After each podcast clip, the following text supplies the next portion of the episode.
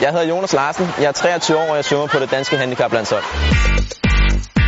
Jeg har et medfødt fysisk handicap, som er forkortet PFFD. Det gør, at jeg har forkortet lårbindsknogler, og jeg har stive albuled og underviklede hænder.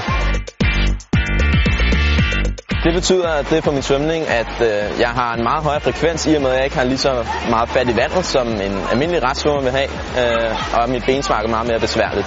Min frekvens er nok nogenlunde det dobbelte eller lidt over af en almindelig svømmers.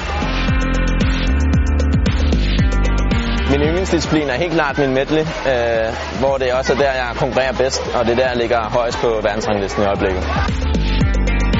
De paralympiske lege for mig betyder rigtig meget. Det er noget helt andet end at være med til EM og VM. Alle atleter bor i samme by, så der er et meget større fællesskab om sporten generelt.